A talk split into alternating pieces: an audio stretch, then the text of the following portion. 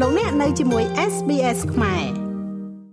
ប្រិមត្តអ្នកស្ដាប់វិទ្យុ SBS ខ្មែរជាទីមេត្រីចាថ្ងៃនេះយើងនឹងមកស្វែងយល់អំពីការចូលសញ្ជាតិរបស់ប្រទេសអូស្ត្រាលីហើយយើងនឹងជួបជាមួយនឹងបងប្អូនប្រជាពលរដ្ឋខ្មែរយើងដែលទើបតែទទួលបានសញ្ជាតិអូស្ត្រាលីកាលពីពេលថ្មីៗនេះ ហេតុអ្វីបានជាការចូលសញ្ជាតិអូស្ត្រាលីវាមានភាពសំខាន់សម្រាប់ពួកគាត់តែមុននឹងចូលទៅដល់ចំណុចនេះនាងខ្ញុំនឹងសួរទៅកាន់បងប្អូនយើងតកតងនឹងការត្រៀមប្រឡងចូលសញ្ជាតិចាមុននឹងបានសញ្ជាតិអូស្ត្រាលីនឹងតើពួកគាត់ត្រូវធ្វើអ្វីខ្លះហើយគាត់មានបទពិសោធន៍លំបាកដែរឬទេនៅក្នុងការត្រៀមប្រឡងនោះចាឥឡូវនេះយើងមកជួបជាមួយនឹងលោកហ៊ុនស្រុនចាដែលទើបតែទទួលបានសញ្ជាតិអូស្ត្រាលីកាលពីពេលថ្មីថ្មីនេះចានាងខ្ញុំសូមជម្រាបសួរលោកហ៊ុនស្រុនចា បាទជំរាបសួរបងប្អូនតនេបាទចាសូមអរគុណណាស់ចំពោះការផ្ដល់ពេលវេលាជូនមកកាន់ SBS ខ្មែរនៅក្នុងថ្ងៃនេះចាអឺនាងខ្ញុំសូមអបអរសាទរជាដំបូងនេះចំពោះការទទួលបានសញ្ជាតិអូស្ត្រាលីរបស់បងកាលពីពេលថ្មីថ្មីនេះមុននឹងយកសញ្ជាតិបាននេះគឺត្រូវការត្រៀមប្រឡងតើបងអាចរៀបរាប់អំពីបទពិសោធន៍នៃការត្រៀមប្រឡងហើយនឹងភាពលំបាកបែបណាទៅហើយធ្វើដូចម្ដេចទៅទើបបងអាចទទួលបាននៅជោគជ័យក្នុងការប្រឡងនោះចា៎បាទណាសូម អរគុណចំពោះបងប្អូននេះក៏សូមឱកាសជម្រាបសួរដល់បងប្អូនយើងទាំងអស់ដែលចូលចិត្តស្ដាប់នៅវិទ្យុ SBS ហើយក៏សូមអរគុណដែលផ្ដល់ឱកាសដល់ខ្ញុំក្នុងថ្ងៃនេះសម្រាប់ជាបទពិសោធន៍ដល់បងប្អូនដទៃទៀតដែលគាត់មិនទាន់បានយកជំនឿបានណាបាទអញ្ចឹងចំពោះខ្ញុំបាទអឺបទពិសោធន៍គឺដូចជាបងប្អូនទាំងអស់គ្នាដែរប៉ុន្តែចំពោះខ្ញុំផ្ទាល់ អ្វីដែលខ្ញុំជួបប្រទះនៅក្នុងប្រទេសអូស្ត្រាលីហើយដែលបំណងរបស់ខ្ញុំដើម្បី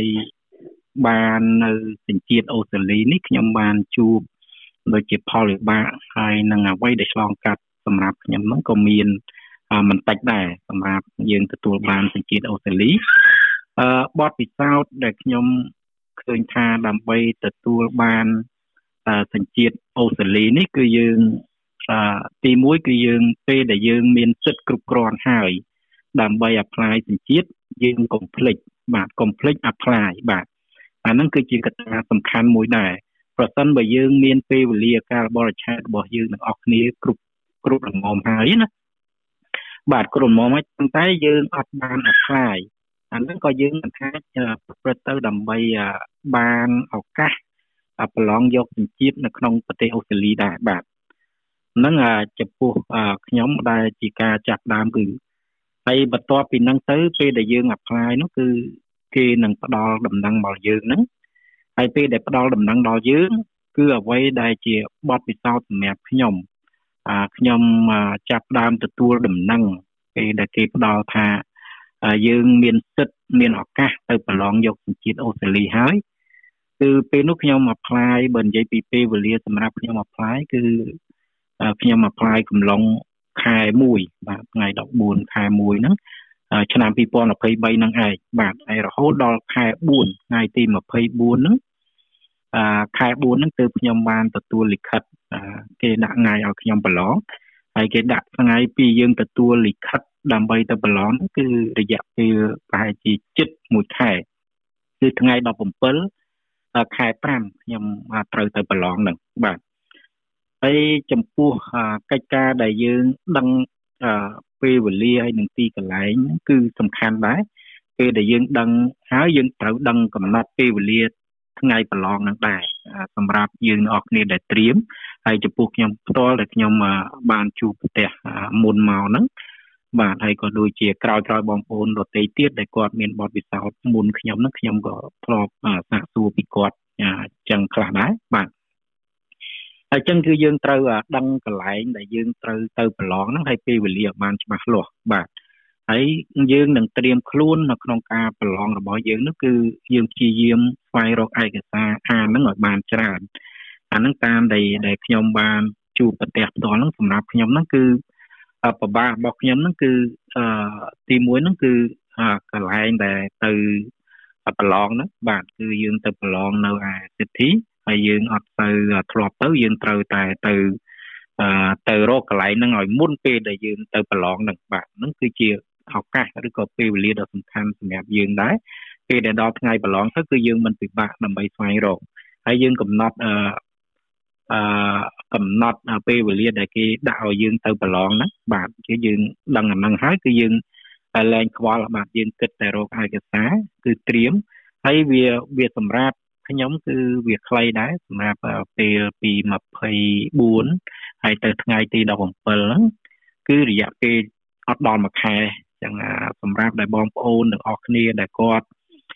អឺមានបទពិសោធន៍ភាសាអង់គ្លេសហើយគាត់ចេះច្រើនពីបទវប្បធម៌នៅក្នុងប្រទេសអូស្ត្រាលីគឺมันប្រមាណតែសម្រាប់មួយទឹកពីទឹកហ្នឹងគឺគាត់អាច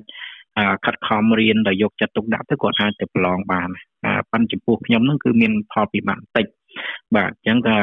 ខ្ញុំព្យាយាមមួយអាទិត្យហ្នឹងគឺខ្ញុំស្វែងរកទិន្នន័យបាទហើយពីអាទិត្យគឺខ្ញុំយកពេលវេលាសម្រាប់មើលហើយមើលគឺ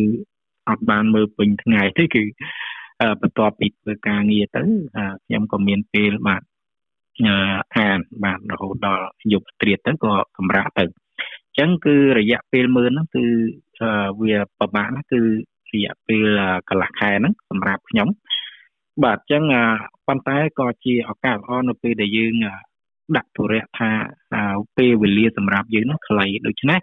វាធ្វើឲ្យយើងនឹងមិនមានការខ្ជិលច្រអូសមិនមិនមានការរីរែកបាទយើងយកពេលវេលាឲ្យតែដល់ពេលបន្ទាប់ពីការងារនោះខ្ញុំអានខ្ញុំមើលបាទឲ្យបានច្រើនបាទឲ្យបានច្រើនទៅគឺគឺជាឱកាសសម្រាប់យើងនៅពេលដែលទៅប្រឡងគឺអ្វីដែលខ្ញុំជួបប្រទះវាអត់ដូចអ្វីដែលយើងមើលឯងបាទ ប៉ុន្តែដោយសារតែផលដែលយើងមើលបានច្រើនមើលទិន្នន័យនឹងបានច្រើនគឺបើឃើញឃ្លាប្រយោគណាល្មមល្មមហ្នឹងគឺយើងអាចសន្និដ្ឋានសន្និដ្ឋានហើយអាចសង្ឃឹមទៅគឺ70%ដោយសារតែការប្រឡងនេះមិនមែនប្រឡងដោយផ្ទាល់មាត់ទេហើយក៏មិនមែនប្រឡងដោយការសាកសួរឬក៏សរសេរដែរគឺបែបគួយ CM បានន័យថាពេលសួរសំណួរហ្នឹងមានចម្លើយ3ឲ្យយើងជ្រើសរើស ប្រសិនបើយើងបានអានបាទបានអានទិន្នន័យនឹងច្រើន គឺយើងអាចអាចអាចគូកងដែរបើមួយនេះមិនត្រូវអាចមួយកដាឬក៏មួយកដាមិនត្រូវអាចចុងក្រោយចឹងទៅអញ្ចឹងវាជាឱកាសហើយក៏ជាភាពងាយស្រួលសម្រាប់យើងដែរដោយសារការប្រឡងនេះគេដាក់វិធីគួយ CM ហ្នឹងគឺឲ្យយើងនឹងជ្រើសរើសងាយសម្រាប់យើងឲ្យតែយើងនឹង បានអានមើលហើយនឹងស្ដាប់បានច្រើនទៅយើងអាចដឹងទិន្នន័យហើយជាពិសេសហ្នឹងបើយើងយល់នៅសំណួរដែលគេសួរបានច្បាស់លាស់គឺវារឹតតែស្រួលសម្រាប់បងប្អូនយើងទៀតដែលមានបំណងទៅប្រឡងសញ្ជាតិអូស្ត្រាលីហ្នឹងបាទបាទហើយខ្ញុំផ្ទាល់គឺខ្ញុំឃើញផលវិបាកមួយទៀតគឺយើងតាក់ទងទៅនឹងមធ្យោបាយធ្វើដំណើរទៅហ្នឹងជាជាជាធម្មតាបើសិនជាយើងអត់ទៅបានចូលសិទ្ធិទីវាពិបាក អញ្ចឹងចំពោះខ្ញុំកាលខ្ញុំព្យាយាមធ្វើយ៉ាងម៉េចតើទៅតាមឡានផ្ទាល់ខ្លួនវាស្រួលជាងឬក៏យើងទៅតាម brand បាទរត់ភ្លើងបាទអញ្ចឹងខ្ញុំពឹងមិត្តភ័ក្តិអញ្ចឹងទៅគឺជិះទៅតាម brand ហ្នឹងខ្ញុំទៅមើលឲ្យដឹងពេលវេលាហើយរកផ្លូវណាដែលរត់ភ្លើងมันមានការដូរជើងបាទកាលហ្នឹងតាម steam well យើងកំពុងតែធ្វើផ្លូវមានផលវិបាកអញ្ចឹងអញ្ចឹងខ្ញុំទៅជើង trend ផ្សេងបាទទៅចាំផ្សេងហើយដើម្បីទៅម្ដងគឺ direct ទៅដល់តែម្ដងហើយមួយទៀតខ្ញុំក៏អឺអឺពឹងពរណាអឺដែលគាត់ដឹងពីអតីតដ្ឋាននឹងដែរគឺជិះឡានទៅហ្នឹងហើយតើវិធីមួយណាដែលយើងគិតថាងាយជាងបាទហ្នឹងគឺខ្ញុំព្យាយាមសាកមុននឹងខ្ញុំទៅហ្នឹង ប៉ុន្តែយើងគិតមើលទៅដល់ខ្ញុំគិតថាមានតែវិធីទៅឡានវាពិបាកតែកន្លែងចោលទេប៉ុន្តែបើយើងទៅ early ពីព្រោះការកំណត់របស់គេហ្នឹងគេឲ្យយើងហ្នឹងគឺត្រូវតែទៅមុនយ៉ាងតិចគឺ15នាទីដល់កន្លែងហ្នឹងបាទ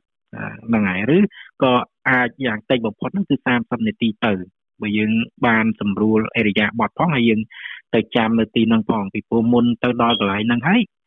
គឺគេឲ្យចាំប្រហែលជា10ទៅ15នាទីមុននឹងគេបើកឲ្យយើងចូលហ្នឹងដល់ម៉ោងគេទើប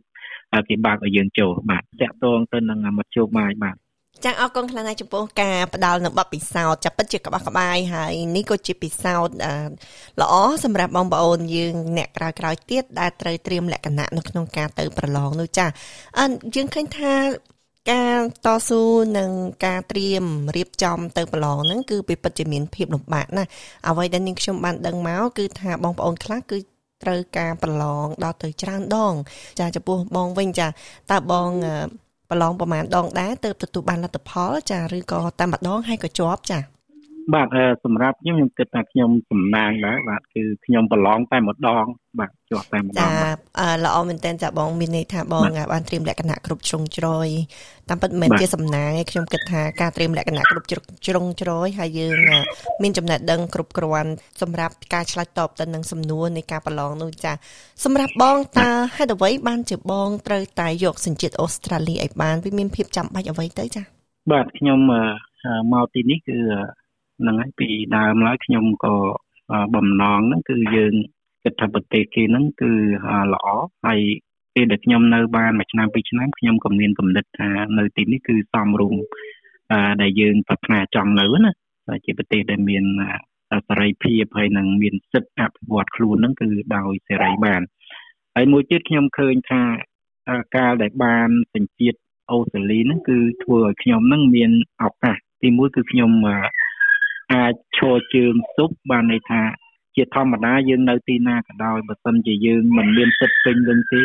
យើងពិបាកណាស់ក្នុងការប្រកបការងារហើយនឹងធ្វើអ្វីផ្សេងផ្សេងទៀតដូចជាការសិក្សារៀនសូត្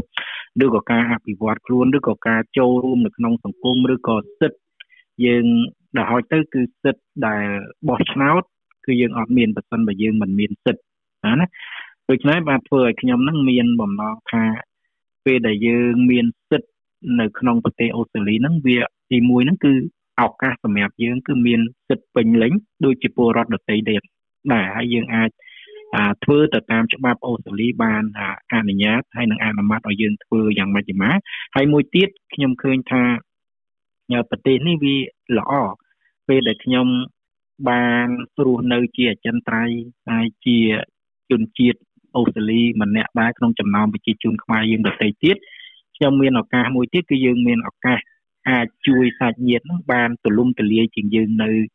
អឺធម្មតាឬក៏យើងអត់ទាន់មានសិទ្ធិបាទអឺកត្តាទាំងអស់ហ្នឹងឯងដែលធ្វើឲ្យខ្ញុំហ្នឹងឃើញថាកាលដែលបានសញ្ជាតិអូស្ត្រាលីហ្នឹងវាមានលក្ខណៈសំខាន់សំខាន់ណាស់សម្រាប់ខ្លួនខ្ញុំហើយនឹងសាច់ញាតិរបស់ខ្ញុំក៏ដូចជាអ្នកដទៃទៀតដែលមានបំណងចង់រស់នៅក្នុងប្រទេសអូស្ត្រាលីនេះបាទ ចានាងខ្ញុំសូមថ្លែងអរគុណខ្លាំងណាស់ចំពោះការចូលរួមចែកបទពិសោធន៍នេះចាឥឡូវនេះជាពេលវេលារបស់យើងក៏មកដល់ទីបញ្ចប់ហើយនាងខ្ញុំក៏សូមថ្លែងអរគុណលោកម្ដងទៀតដែរចំពោះការចូលរួមជាមួយនឹង SBS ខ្មែរចាបាទបាទសូមអរគុណចាសូមអរគុណសូមជម្រាបលាចា